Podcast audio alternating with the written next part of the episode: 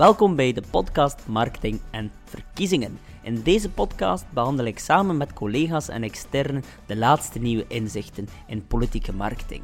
We hebben het over topics als personal branding, nudging, neuromarketing en big data. Ik wens jullie alvast heel veel inspiratie. Als jullie vragen hebben, mogen jullie mij altijd contacteren via reinoud.exposure.be. Jullie doen ons een plezier door een reactie na te laten op deze podcast of eventueel een reactie te geven op Google op exposure.be. Alvast heel veel inspiratie gewenst. Welkom bij alweer een nieuwe aflevering van de podcast Marketing en Verkiezingen. Deze keer zullen we het hebben over neuromarketing. De term is al meermaals in deze podcast gebruikt, maar vandaag hebben we ook opnieuw een expert aan het woord. Welkom Jelle. Hallo. Welkom en nogmaals dank om uh, tijd vrij te maken voor de podcast. Neuromarketing is iets waar we heel graag mee bezig zijn. Het heeft heel veel inzichten, maar het heeft uiteraard ook wel wat nadelen en enkele zaken die we zeker in een breder perspectief moeten plaatsen. Maar laten we starten met jezelf even voor te stellen, Jelle. Ja, dus ik ben uh, Jelle Dummanen, ik ben uh, neurowetenschapper en experimenteel psycholoog van opleiding aan de UGent. Ik heb tot en met 2015 als fundamenteel hersenonderzoeker eigenlijk gewerkt aan de UGent en aan het UZ, waar ik cognitieve en neurale mechanismes van intentioneel gedrag trachten te onderzoeken heb. En sinds 2015, uh, ik ben eigenlijk vooral een methodoloog. Ik was altijd gebeten door welke methodes kun je gebruiken om, om, om, eigenlijk, om mentale processen te gaan kwantificeren eigenlijk. Dus meer en meer naar het toepassingsgericht onderzoek uh, heb ik interesse meer, meer, en meer gekregen. En zo ben ik beland in, uh, in 2015, hebben we eigenlijk beginnen te kijken van hoe kunnen we die methodes, die meetmethodes uit de cognitieve psychologie, eigenlijk gebruiken in marketing. En hoe kunnen we eigenlijk ook gedrag, consumentengedrag, gaan, gaan trachten te begrijpen via deze, deze methodes. Dus ik heb eerst een start-up gehad, Impulse Research, Vorig jaar is dat uh, overgenomen geweest door een onderzoeksbureau Profact. Uh, en sinds, 2000, dus sinds vorig jaar heb ik een nieuw bedrijfje opgericht, Apollo 8, waar ik eigenlijk uh, focus op schaalbare methodes van neuromarketing en op, ook op data-analyse technieken die daarbij komen te kijken enzovoort. Dus Apollo 8 is mijn nieuwe initiatief. daarnaast ben ik ook werkzaam bij Hogeschool West-Vlaanderen, waar ik dezelfde meetmethodes, eh, gelijkaardige meetmethodes, toepas buiten het uh, domein van de marketing. Bijvoorbeeld in machinebouw, mechatronica, in de sport. Uh, dus hoe kun je eye-tracking, hoe kun je hersenmetingen gaan gebruiken om daar iets, om iets over de sporter of uit, over de, de werknemer te weten te komen, om die te, beter te kunnen ondersteunen. Voilà, dus dat is mijn korte inleiding. Uh, korte inleiding, zeer duidelijk. Uh, bedankt. Uh, neuromarketing ja, is natuurlijk. Het wordt heel vaak gebruikt, de term. en zeker in, in alles omtrent beïnvloeding wordt neuromarketing heel vaak gebruikt. Is misschien ook wel in de koepel beïnvloeding de meest gekende term, omdat er ook heel veel cases rond zijn die tot de verbeelding spreken. Er zijn, over neuromarketing zijn er heel leuke cases die ook ja, die, die, die gewoon sexy zijn om te presenteren. Maar het is niet zo dat er een... Er zijn er ook boeken over geschreven dat, er, dat het zo makkelijk is om de gouden uh, koopknop te vinden. Uh, en daar, daar zijn wel misverstanden over. Het is niet dat het de heilige graal is en dat je door mensen hun hersenen te scannen bijvoorbeeld perfect weet van kijk, ik moet nu dit woordje zeggen en de cash die komt binnenstromen. Nee. nee, je ziet inderdaad doorheen de, de, de, de laatste twee decennia dat neuromarketing al een paar keer hip geweest is. En meestal komt er na, na zo'n periode waarin dat mensen te veel verwachten van die technieken, komt er eigenlijk een, een periode van ontgoocheling. Dat zien we ook bij de, bij, de, bij de bedrijven die daarmee gewerkt hebben. En ik denk dat dat komt omdat uh, inderdaad dat er te veel van verwacht wordt. Hè. We, zijn nog niet op het punt dat we op basis van, van metingen heel erg uh, specifieke dingen van mensen kunnen te weten komen. We kunnen niet in de hersenen gaan gaan kijken. Uh, mindreading is nog niet mogelijk, dus we kunnen nog niet alles uh, natuurlijk in kaart brengen. Maar wat we wel kunnen doen, en dat is iets dat, denk ik, een neuromarketeer heel erg duidelijk moet maken als je succesvol wil zijn, is dat je wel bepaalde zaken die anders subjectief door, door, door, door personen zelf moeilijk onder woorden te brengen zijn, dat je die wel kunt gaan kwantificeren. Dus je kunt misschien niet alles in kaart brengen, maar je kunt wel bepaalde zaken heel objectief in kaart gaan, brengen. En we kunnen daar misschien straks verder op ingaan welke dingen dat dan zijn. Maar uh, ik denk dat dat iets heel erg belangrijks is. Hè. En neuromarketing bestaat eigenlijk, in mijn opinie, uit, uit, twee takken. Je hebt eigenlijk meer de research kant van neuromarketing, die echt op, op research gaat gaan focussen. En natuurlijk heb je ook een heel grote ja, consultancy kant uh, van, van neuromarketing, waar meer de, de bestaande principes van de, van de hersenen en hoe dat mensen denken en motivaties uitdrukken enzovoort aan, aan bod komen. Dus je hebt eigenlijk die twee takken die heel erg nauw natuurlijk samenwerken, maar mensen verstaan soms het ene of het andere als je over uh, neuromarketing spreekt. Ja, dat klopt. Zelf we zelf uh, ja, gebruiken ook wel vaak die term. Wij focussen dan meer op de consultancy gedeelte. Wij gaan bijvoorbeeld research uh, van mensen zoals jij gebruiken in adviezen. Maar inderdaad, wat we wel vaak zien is dat als je echt uh, neuromarketing tot in de detail juist wilt gebruiken, dan moet je altijd wel opnieuw research doen. Want je, ja, je baseert je op bestaand research, wat wel vaak ook en kan ook uh, dupliceerbaar zijn voor andere projecten. Maar het is niet altijd zo vanwege context en vanwege uitzonderingen. kan perfect te maken hebben met een publiek die net die uitzondering is die de regel bevestigt.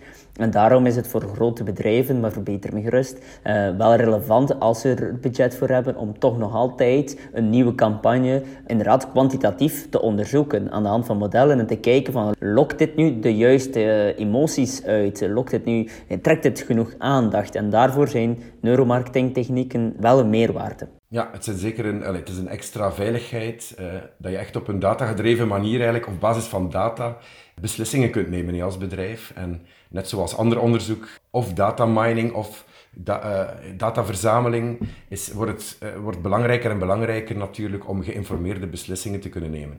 Dus dat is daar een, deeltje van. Ja, klopt. En ik denk, zoals je het ook hebt gezegd, het is een extra veiligheid die je inbouwt om, om zeer dure campagnes los te laten in de, de wijde wereld, de marketingwereld. Maar um, ik heb zo uh, ook enkele cases reeds gezien, zo van bekende merken. Ja, dan, voor, voor een KMO, voor een West-Vlaamse KMO, we zijn beide van West-Vlaanderen, ik denk dat de luisteraars het misschien al opgemerkt hebben. Maar, uh, maar um, ik denk een, een, een, een, gewoon een kleine KMO, ja, die heeft al een beperkt budget. Die hebben dan iets minder baat bij, bij neuromarketing. Die kunnen dan misschien eerder gewoon wat meer budget spenderen aan advertising. Maar als we spreken over bedrijven zoals Adidas, Nike uh, en dergelijke zaken, ja, als zij één video maken, dan gaat er al duizenden euro's naar de opmaak van de video, dan nog eens miljoenen euro's naar de advertentie kost. Aan media, ja. Ja, als je natuurlijk, als je ziet hoe, hoe dat bedrijven, grote bedrijven, die mediabudgetten die, die die vandaag eigenlijk besteed worden om uw campagne op televisie of op de radio of waar, waar dan ook te krijgen, ja, dan is dat natuurlijk, is die, is die paar tienduizend euro dat een grondige studie kost, is, is klein bier. Eh, als je kunt zien van oké, ik kan hier veel meer, veel meer impact met één view uh, genereren, dan is, kun je natuurlijk uh, kun je de vraag stellen, zijn die mediabudgetten wel nodig? Dus, of kun je die gaan, gaan reduceren, maar je hebt toch dezelfde impact. Dus dat is, dat is natuurlijk wat dat grote bedrijven mee spelen. De KMO's, ja, die, die hebben dat probleem niet, want die, die spenderen ook die mediabudgetten niet. Maar gelukkig voor KMO's, en dat is natuurlijk ook iets, want België is een KMO-land, Vlaanderen eh, zeker en België in het algemeen is een KMO-land. Als neuromarketeer moet je wel zoeken naar oplossingen die ook KMO's kunnen gebruiken zodat, er toch, dus dat zij ook wel uh, geïnformeerde beslissingen kunnen gaan nemen over welk product ze op de markt kunnen brengen, en welke, welke combinatie dat je de features bijvoorbeeld uh, gaat, gaan, gaat gaan presenteren, gaat gaan communiceren. En gelukkig zijn er nu wel platformen, ook SaaS-platformen, software as a service platformen, die, die neuromarketing oplossingen gaan gaan aanbieden. En dus het komt in het, in het prijsbereik van de, de KMO's, toch tenminste in de, de grote KMO's, uh, terecht. Ja, nee, dat klopt. Uh, het, wordt wel steeds schaalbaarder. Uh, bijvoorbeeld, wat ik ook een zeer leuke evolutie vind, is in, in het gebied dan van eye-tracking studies, zijn de VR-brillen. Vind ik ja, vind ik zeer boeiend, vind ik heel interessant, omdat je het ook wel een stuk schaalbaarder maakt. Die brillen zijn al bij al betaalbaar. Natuurlijk, als je dat maar eenmalig gebruikt, is dit niet relevant. Maar als je bijvoorbeeld dat voor als bedrijf uh, eenmalig koopt en je, je, maakt veel campagnes, kan je daar wel iets mee doen. En dan heb je inderdaad veel software die dat combineert, waardoor het op een bepaalde manier toch weer schaalbaar wordt. Als je dat dan vergelijkt met bijvoorbeeld een, een, een eye-tracking studio, waar je vroeger mensen nog eerst moest uh, uitnodigen naar je studio, dan met verschillende computers, verschillende analyses, kan je nu bijvoorbeeld met een VR-bril uh, het wel heel makkelijk al uh, gaan, gaan maken. je kan een video bij wijze van spreken in de VR-bril of mensen in een winkel laten lopen en zo onmiddellijk zaken meten. Nee, en dat is inderdaad een, een grote evolutie. We hebben die, die eye-trackers in VR-brillen al getest. En het is ontstellend hoe goede kwaliteit dat die eye-trackers zijn. Je kunt nu voor een 1700 euro koop je een Vive iPro, waarin eye-tracking ingebouwd zit. En daar zit er eigenlijk een eye-tracking in, eye-tracker in, dat als je dat bij Toby, hè, dat is de leverancier of de, de hardware-specialist, dat, dat je 10.000 minstens 10.000 euro voor betaalt voor dezelfde kwaliteit. En dat is wel een trend dat je ook ziet bij HMD's, VR, HMD's en HoloLens bijvoorbeeld, dus augmented reality, is dat eye-tracking daar standaard wordt ingebouwd. Dus de volgende jaren zullen er heel veel mensen thuis een eye-tracker gaan hebben Waardoor je als marketeer en als neuromarketeer eigenlijk niet meer mensen moet gaan uitnodigen en je direct een groot panel eigenlijk hebt bij mensen thuis waar je onderzoek kunt op doen. En dat eh, is natuurlijk zeer interessant, want de grootste kost bij een neuromarketingstudie, of een van de grootste kosten, is eigenlijk je deelnemers naar een centrale locatie brengen en hun betalen om deel te nemen aan deze studie. Want mensen, mensen komen niet meer, eh, verplaatsen zich niet meer onder de 30 euro of onder de 50 euro om aan een uur, een uur aan een studie deel te nemen. Als je dat bij je thuis kunt doen, kun je daar wel allez, heel efficiënt mee omgaan. Ja, eh, we kunnen zeker straks terugkeren op die eye-tracking, want het wordt nu ook vaak met webcams gebruikt, maar we keren daar straks op terug. Maar om nog even terug te keren op de, de, de hardware-toepassing van eye-tracking had ik recent ook, uh, via Toby was het dan wel, uh, een paar... Uh, of ik, ik, twijfel nu of dat Toby was, het was misschien een concurrent, maar hoe het ook werd toegepast in, in gaming, vond ik ook wel zeer, zeer boeiend. Dat ze eigenlijk... Dat is Toby inderdaad. Ja, ja kijk, dat het, dat het ook, ik denk dat het een paar maanden terug was dat ik dat gezien, dat ze een nieuwe versie hadden gelanceerd, dat je eigenlijk tijdens het gamen, dat was een, een gamer die moest, ver, die moest wijzigen van wapen en vroeger eigenlijk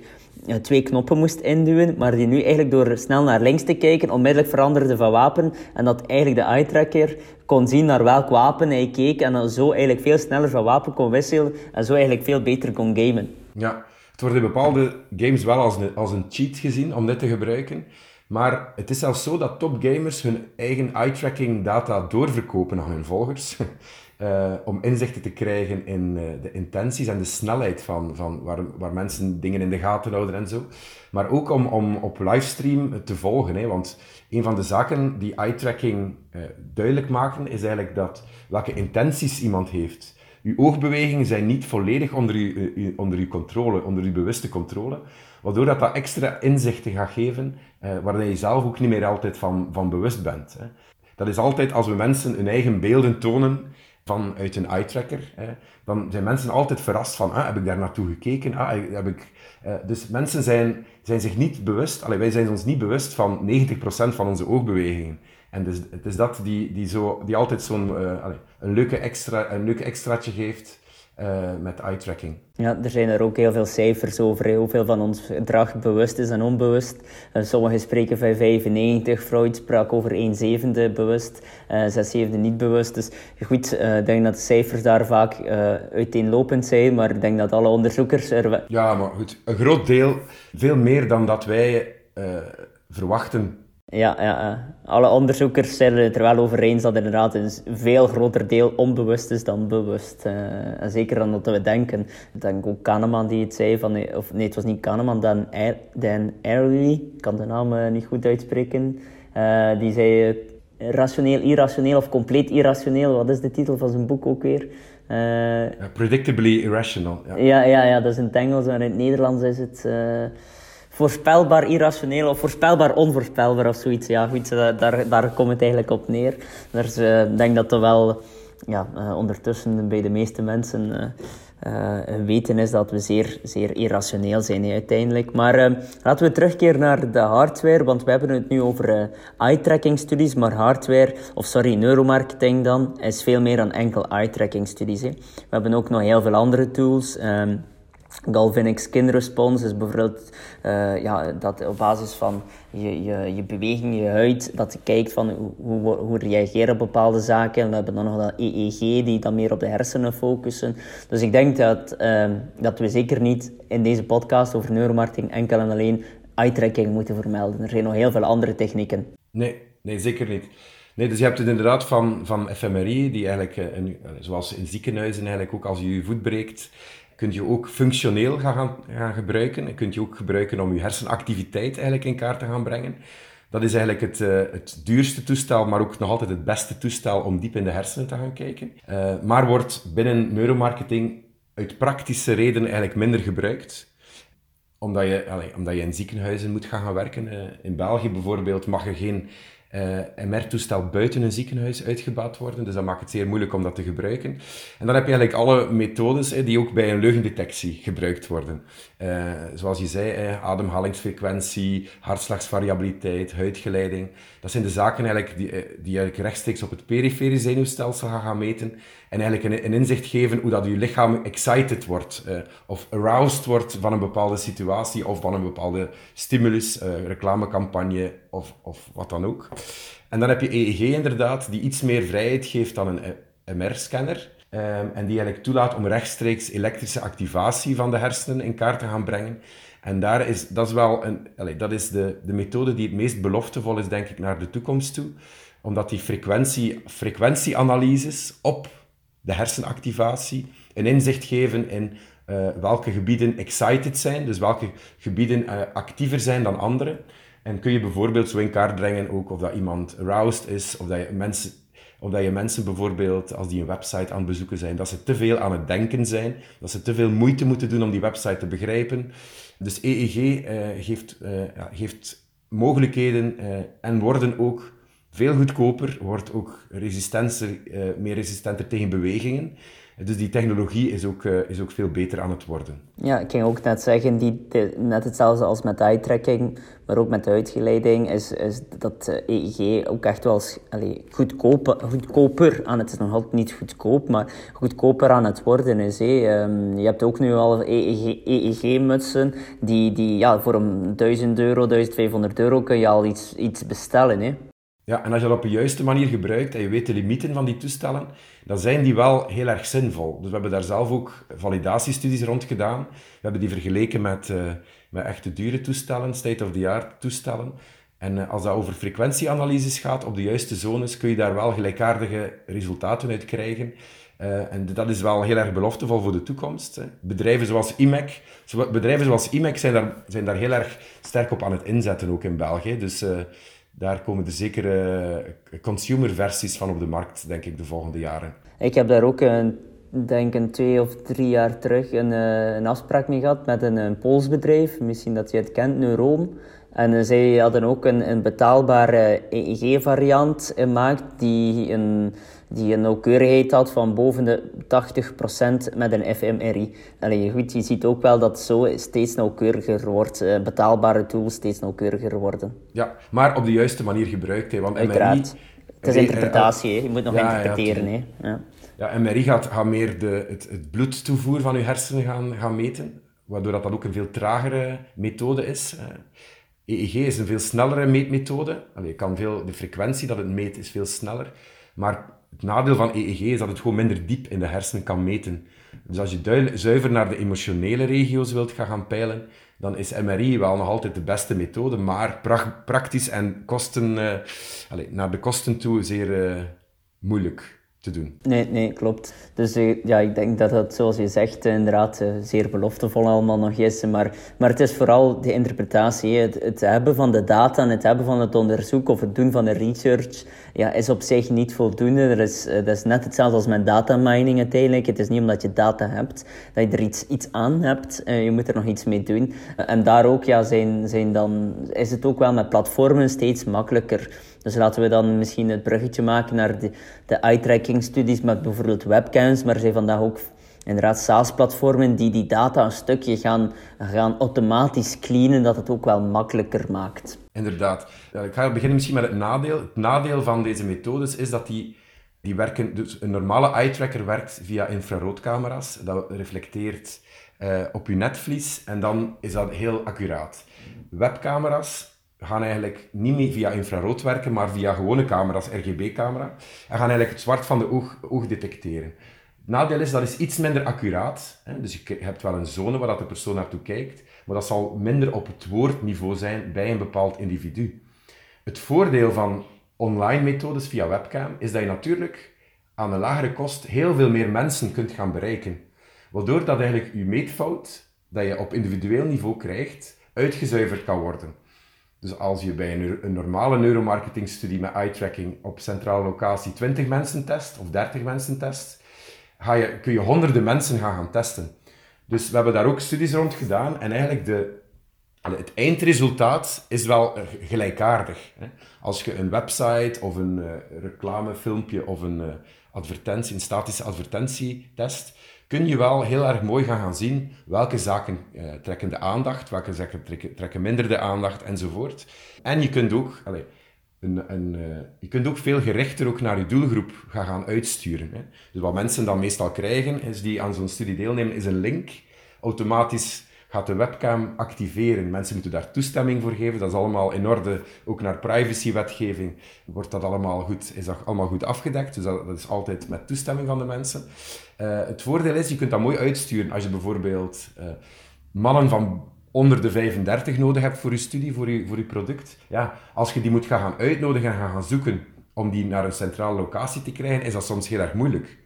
Maar als die mensen online kunnen be, be, benaderd worden, dan kun je ook veel gerichter uh, je onderzoek gaan, gaan voeren. En dat is wel een, heel erg groot voordeel. Ja, en heel veel tools die uh, eye-tracking studies via webcam faciliteren, hebben ook een eigen database of je betaalt voor de database per, per persoon.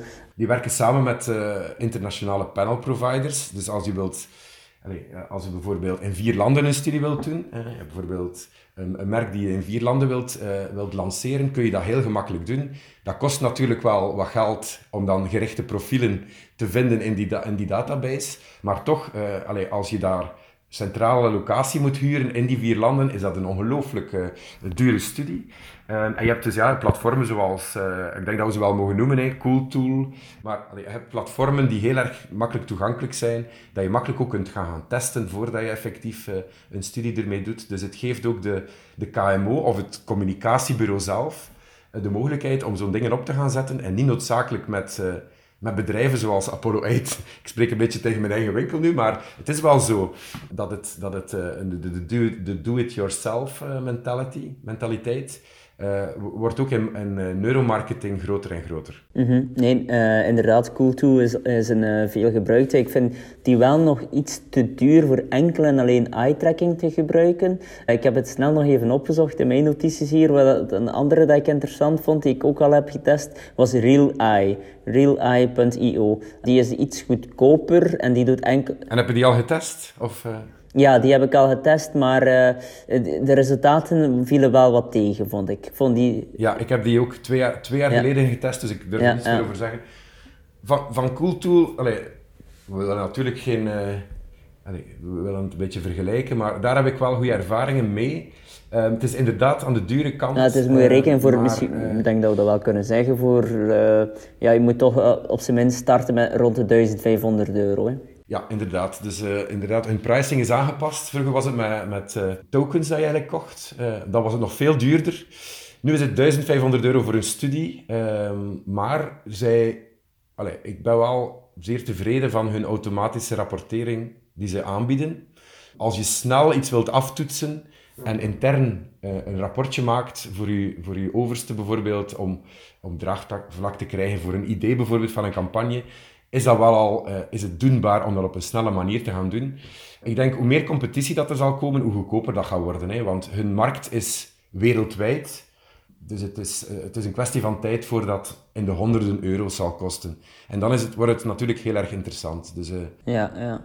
Ja, maar wat je er ook nog moet bijrekenen is, ja, je betaalt, we spreken nu over 1500 euro, je hebt ook nog het werk dat je er moet insteken. En laten we eerlijk zijn, um, en daar, nu spreek ik een beetje voor eh, de winkel, eh, is dat ja, je, je moet toch nog wel wat kunnen interpreteren ook. Je, je, moet toch wel wat, wat, wat kennis hebben over psychologie, over, over hoe dat de hersenen werken, hoe dat gedrag in elkaar zit, waarom bepaalde zaken zijn. Als je enkel zal blind staren op, op het rapportje, ja, dan denk ik dat je een groot stuk van de neuromarketing mogelijkheden mist. Nee, meestal is het maar een, een stukje van het verhaal inderdaad. Hè.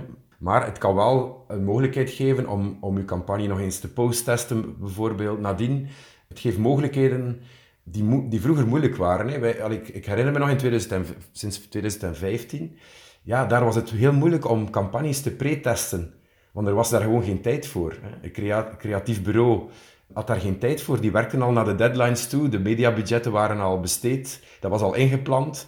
Als je daar als onderzoeksbureau tussen moest, was dat bijna onmogelijk. Dus wij werden eigenlijk vooral ingezet in posttests. Uh, het nadeel dat je dan krijgt, is dat je eigenlijk als een soort controleorgaan wordt ingezet door je eindklant, hè, voor je communicatiebureau. Nu is er een hele, doordat het zo snel kan, uh, goedkoper kan, en dus ook meer kan gebruikt worden om verschillende creaties te gaan testen, kun je dat eigenlijk bijna in het co-creatieproces met de creative uh, agencies gaan, gaan toepassen, waardoor dat het eindresultaat gewoon al beter is.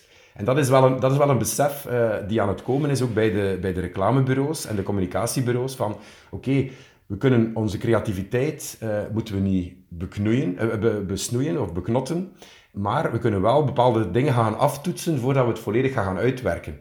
Dus omdat bepaalde creatieve ideeën nu eenmaal minder of meer succes hebben, uh, dat kun je wel gaan, gaan aftoetsen. En dat is iets die tot over twee, drie jaar niet mogelijk was. Nee, klopt. Ik heb wel zelf... Mijn ervaring is dat, er, dat het inderdaad evolueert.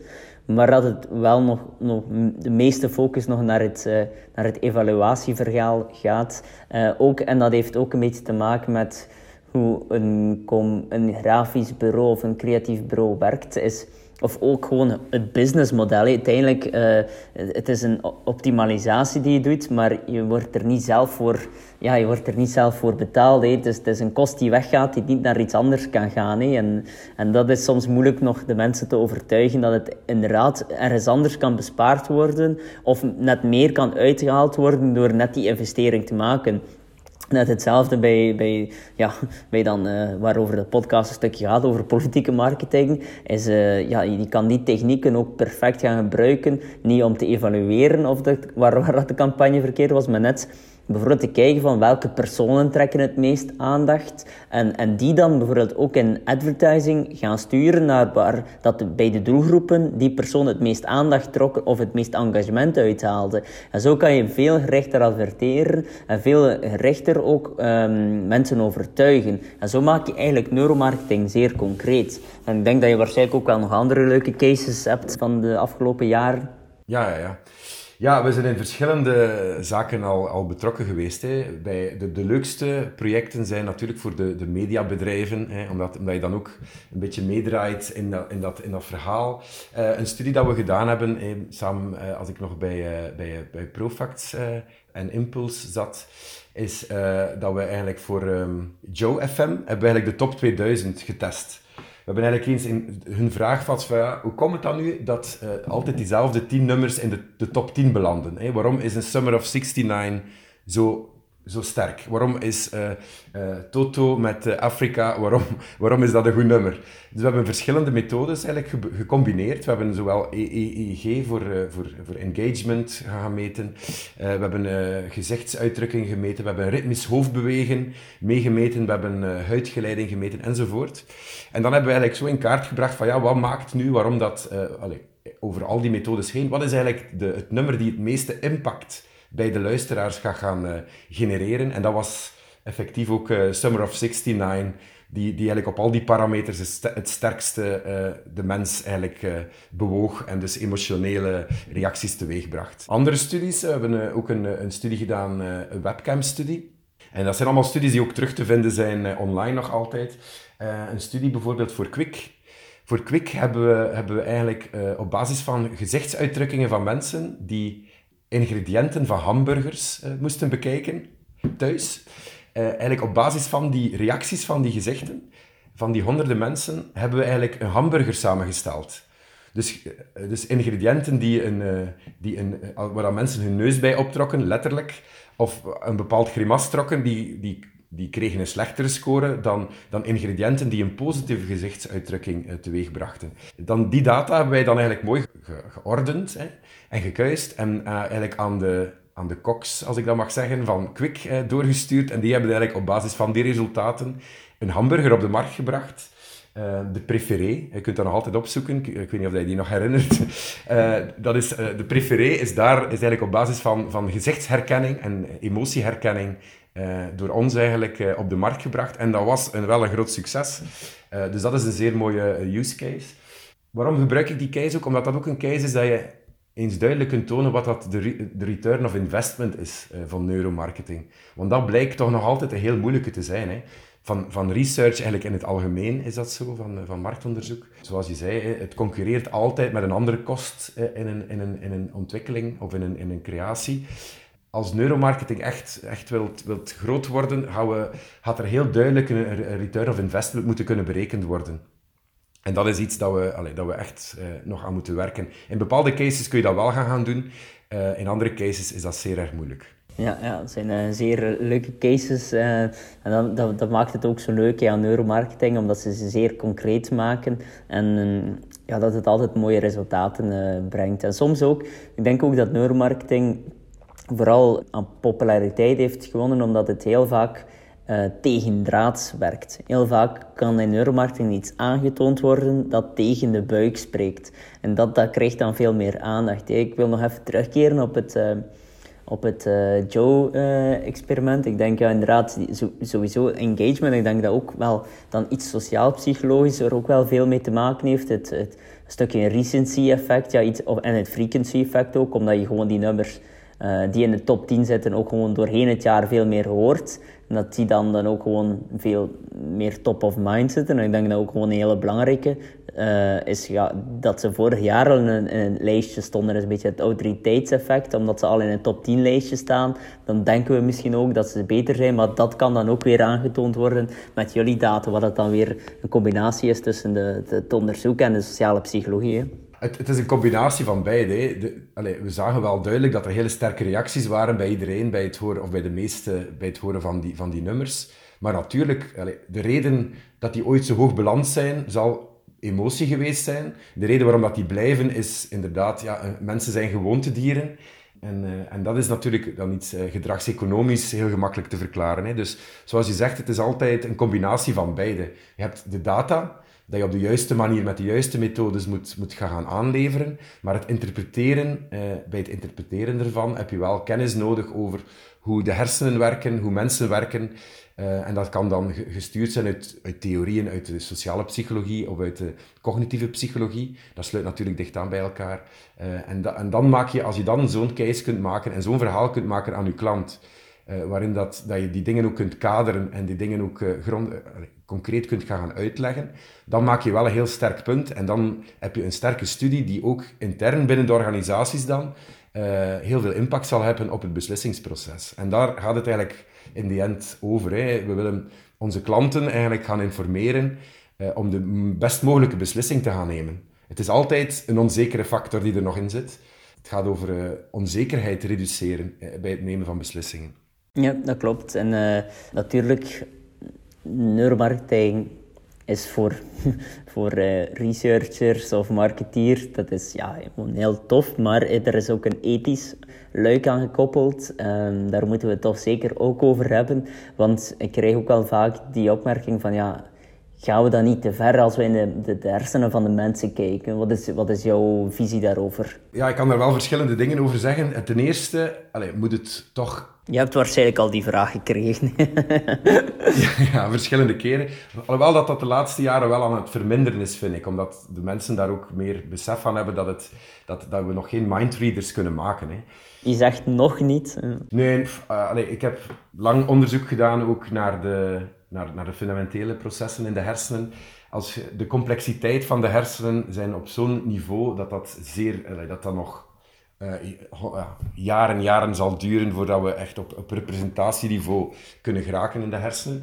Maar het, het, de dingen dat we nu kunnen meten zijn gewoon zaken, uh, zijn simpele dingen. Hè, van, creëert er iets impact bij u? Gaat dat een beleving teweeg brengen? Gaat, wel, gaat er de aandacht gaan, gaan trekken? Ehm, het gaat eigenlijk gewoon over het objectiveren van menselijk gedrag. Zoals, allez, want, uh, dus dat, is mijn eerste punt. We kunnen, het zijn simpele dingen dat we kunnen meten, maar objectiveerbare dingen. Ten tweede, marketing is op zich ook beïnvloeding. Je kunt, en, dat, en, wat ik nu ga zeggen is misschien wat controversieel, maar je kunt, het is niet omdat het efficiënter kan zijn, omdat we het echt objectiveren, dat het daarvoor slechter is. Marketing gaat ook technieken gaan gebruiken om mensen een bepaalde informatie duidelijk over te gaan brengen, om gedrag eventueel te gaan sturen. Maar ja, neuromarketing geeft gewoon een tool om dat op een, op een, op een efficiëntere manier te kunnen gaan doen. Dus ik vind dan, de, de, het argument tegen neuromarketing is eigenlijk ook een argument tegen marketing in het algemeen. Ik denk ook dat een, uh, een belangrijk gegeven is dat dat neuromarketing niet op... Allee, we, we gaan niet individueel in de mensen in hun hersenen kijken en dan zeggen van die persoon... Het is niet dat we een chip in onze hersenen hebben en real-time kunnen zien van oké, dat, dat spreekt jou het meest aan. We gaan je nu zo gaan beïnvloeden. Het is, het, het, is, het is een wetenschap, het is een wetenschap. Dus je gaat op gaan kijken wat is significant voor de grootste groep. Het is zeer zelden dat het voor iedereen zo werkt. Je moet natuurlijk wel als neuromarketeer wel wat grenzen afbakenen allee, als het gaat over hoe, kunnen we uh, mensen, uh, hoe kunnen we reclame gaan maken, en dat mag ook bij de wijn niet meer, maar hoe kunnen we mensen uh, aan het roken helpen? Hoe kunnen we op de weak spot van mensen gaan, gaan inspelen om zo'n gedrag te gaan stellen? Ja, nee, dan moet je als neuromarketeer natuurlijk ja, die grens heel erg sterk bewaken. Dat je over zo'n thema's, allee, dat, je, dat je mensen niet uh, naar slecht gedrag gaat gaan leiden.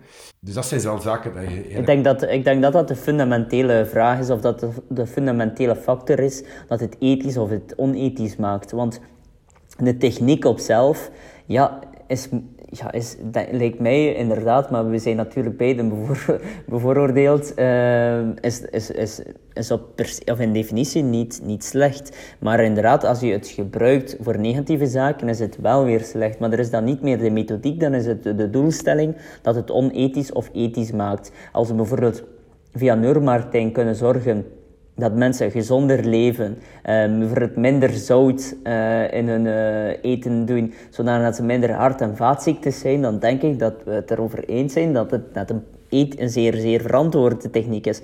Maar is inderdaad, als we het gebruiken om te hokken, als we het gebruiken om, om inderdaad uh, harddrugs te, te promoten, ja, dan, is het iets anders. Dus ik denk inderdaad, ethische vraagstuk is zeer belangrijk, maar ik denk dat we meer naar de doelstelling van, de, van, de, van het onderzoek moeten kijken dan naar de methodiek van het onderzoek. Waarbij dat methodiek uiteraard ook wel belangrijk is. Heel erg, heel erg akkoord. En natuurlijk dan nog eens terugkomen op het individu de individuele data. Allee, dat is natuurlijk ook iets dat we heel erg rekening mee gaan houden. Hè. Data die verzameld wordt, hè, wordt per definitie eigenlijk anoniem verzameld. Hè. We gaan uh, het profiel van de persoon bijhouden. Hè. Als we bijvoorbeeld uh, mensen boven de 50 uh, eh, die in West-Vlaanderen wonen hè, willen, willen, willen, willen testen, ja, dan, gaan we dat, dan gaan we dat wel bijhouden, maar we gaan dat niet, dat kan nooit naar het individu teruggeleid worden, die data. Dus dat is wel iets dat je natuurlijk, die GDPR-wetgeving, uh, moet, heel erg de, uh, moet je heel erg volgen daarin. Want uh, het is wel zo dat de data die gecollecteerd wordt op basis van eye-tracking, EEG, dat zijn op zich wel heel persoonlijke data. Dus je moet daar wel heel erg strikt mee omspringen. En dat is een, andere kant van het ethische. maar daar heeft de wetgeving van GDPR wel een heel duidelijk kader. en die, die eigenlijk misbruik daarin gaat, gaat vermijden. Ja, dat is inderdaad um, ja, een gevaarlijk punt, maar ik denk dat de, wetgeving daarin misschien wel duidelijk is, maar misschien soms nog iets duidelijker kan. Maar goed, er is een wetgeving, dat is uiteraard al het belangrijkste. Ik denk dat we stilaan kunnen afronden. Uh, een slechte gewoonte van mij is... Uh, dus aan de, de gasten eh, van de podcast zeggen, het zal ongeveer 20, 25 minuutjes duren en toch altijd uitlopen omdat het zo boeiend is. Het is helaas, of ja, ik hoop niet helaas, ik hoop dat het voor de luisteraar boeiend was, maar het heeft, het heeft wat weer uitgelopen. Het is ondertussen een aflevering van meer dan 40 minuten, uh, Jelle, dus... Um, Ik stel voor dat we hier, hier afronden. Uh, ik vond het alvast een zeer boeiende podcast over onze hersenen, over neuromarketing, over een term die West-Vlamingen met moeite kunnen uitspreken, geheugen. Dus uh, een zeer boeiende aflevering door twee West-Vlamingen die niet zo ver van elkaar wonen. We houden zeker contact en uh, Jelle, nogmaals dank voor, voor, de, fijne, voor de fijne babbel. Heel erg interessant en heel erg graag gedaan. Jelle, tot Bedankt. de volgende dag. Ik hoop dat jullie het ook zo boeiend vonden. Als jullie nog meer informatie willen, neem dan dus zeker een kijkje op www.exposure.be. Ik deel er ook heel wat blogberichten over neuromarketing, sociale media en politieke communicatie. Laat mij gerust iets weten in de reacties via iTunes wat jullie van deze aflevering vonden. Zo kan ik nog meer inspelen op jullie interesses. En aarzel zeker niet om mij te contacteren indien je interesse hebt in een van de workshops. Wij geven heel veel fysieke workshops maar ook heel veel online workshops. En alvast nog heel veel succes in alles wat je doet. Tot de volgende!